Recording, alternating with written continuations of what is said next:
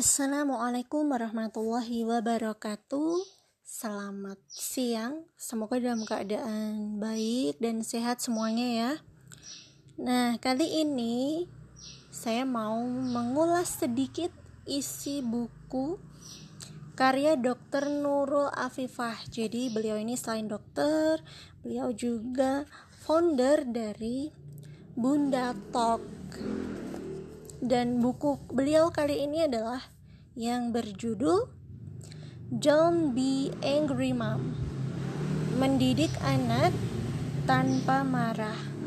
Wow, saya rasa ini kalau buat ibu-ibu bermanfaat sekali ya.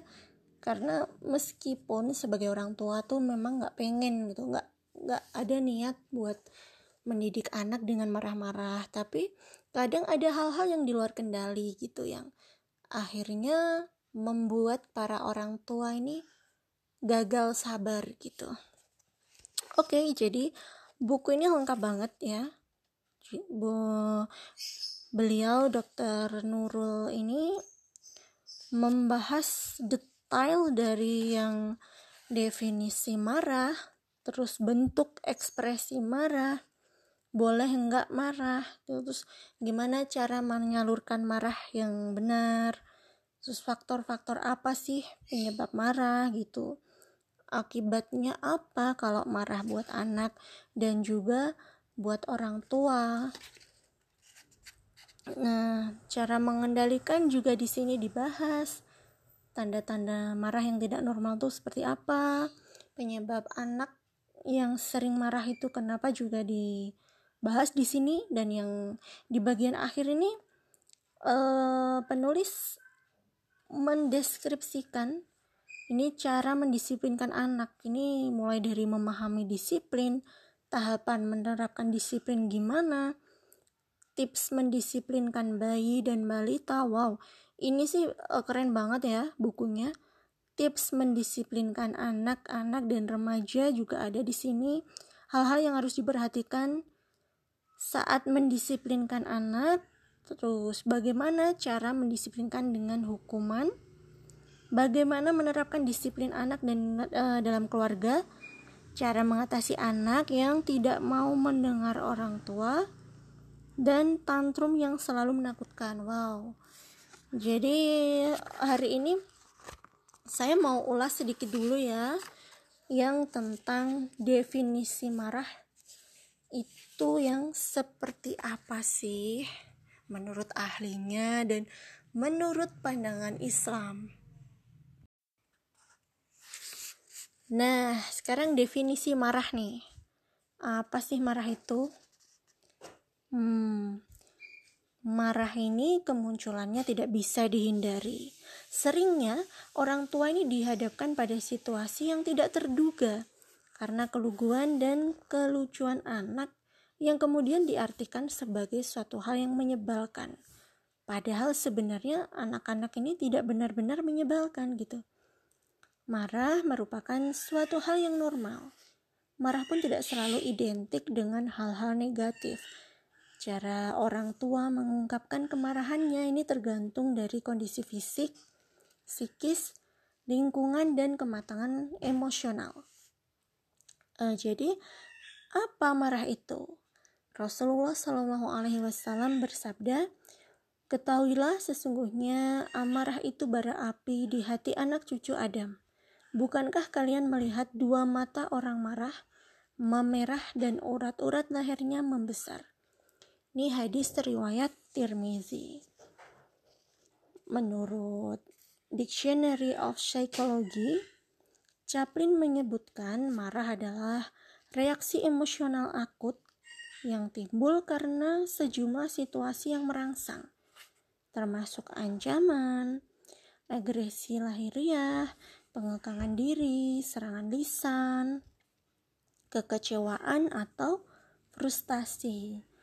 Reaksi ini ditandai oleh reaksi kuat pada sistem otomik khususnya oleh reaksi darurat pada bagian simpatetik dan secara implisit disebabkan oleh reaksi seragam baik yang bersifat somatis maupun verbal.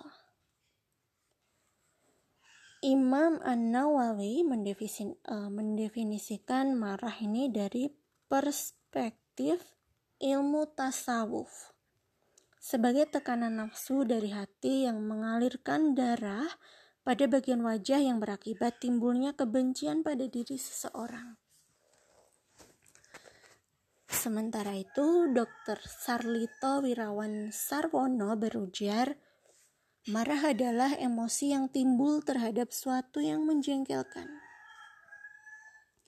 Imam Ghazali menerangkan, marah bagaikan nyala api yang menyala berkobar-kobar, menyerang, bergerak, dan bergejolak dalam hati manusia. Nah, dari berbagai definisi marah tadi, dapat dikatakan bahwa marah adalah sesuatu yang wajar dan merupakan bentuk emosi dasar yang terjadi jika seseorang merasa terganggu atau terancam. Menurut Paul Ekman, manusia ini memiliki enam emosi dasar, yaitu yang pertama takut, yang kedua marah, yang ketiga sedih, yang keempat bahagia, yang kelima jijik, dan yang keenam terkejut.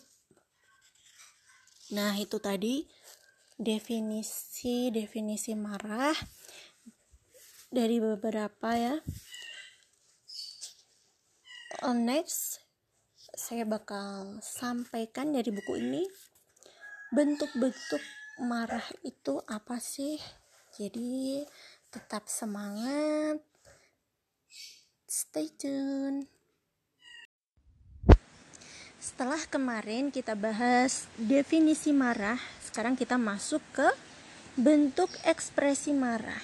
Sebenarnya yang menjadi masalah adalah ketika emosi dasar dalam hal ini marah ya, ini diekspresikan dengan cara yang kurang tepat gitu. Berbagai karakter dan kematangan emosional orang tua akan mempengaruhi bagaimana ekspresi marah ini disampaikan ada orang yang sangat mudah marah dan ada orang yang jarang sekali marah. Beberapa orang ini sadar kemarahan mereka dan tahu bagaimana mengontrol dan menghadapinya. Tapi sebaliknya, ada orang lain yang gagal untuk mengenali tanda-tanda kemarahan dan menemukan dirinya dalam situasi yang tidak nyaman dan sering tidak menyenangkan. Kemudian e, seperti apa sih bentuk ekspresi marah ini? Jadi tubuh orang yang sedang marah secara normal akan memberikan alarm dan dibunyikan dalam bentuk ekspresi seperti mata melotot, menyeringai, mimik muka yang galak atau e, beracak pinggang. E, namun, jika alarm ini tidak efektif, maka bunyi yang lebih nyaring akan dikeluarkan seperti bicara dengan keras, membentak, menghardik, bahkan berakhir pada tindakan fisik. Nah, uh, dapat ditarik kesimpulan jadi cara orang mengekspresikan marah ini sangat dipengaruhi oleh adat dan kebudayaan setempat. Dalam kehidupan sehari-hari, kita mengekspresikan marah ini dalam berbagai bentuk. Dan ada beberapa bentuk tindakan marah dari berbagai belahan dunia. Senyuman ini ekspresi marah suku Jawa. Bunuh diri ini ekspresi marah masyarakat Sri Lanka. Kenakalan remaja bunuh diri ekspresi marah remaja Amerika. Perilaku agresi ini ekspresi marah narapidana di India dan Australia. Jadi bentuk-bentuk ekspresi marah ini ada yang pertama misal mengernyitkan dahi, mata melotot, e, senyuman yang sinis dan menangis. Bisa juga dalam bentuk ucapan. Itu berupa sindiran, kata-kata menyakitkan, ancaman, cacian, suara yang keras atau berteriak. Kemudian diekspresikan juga dengan tindakan.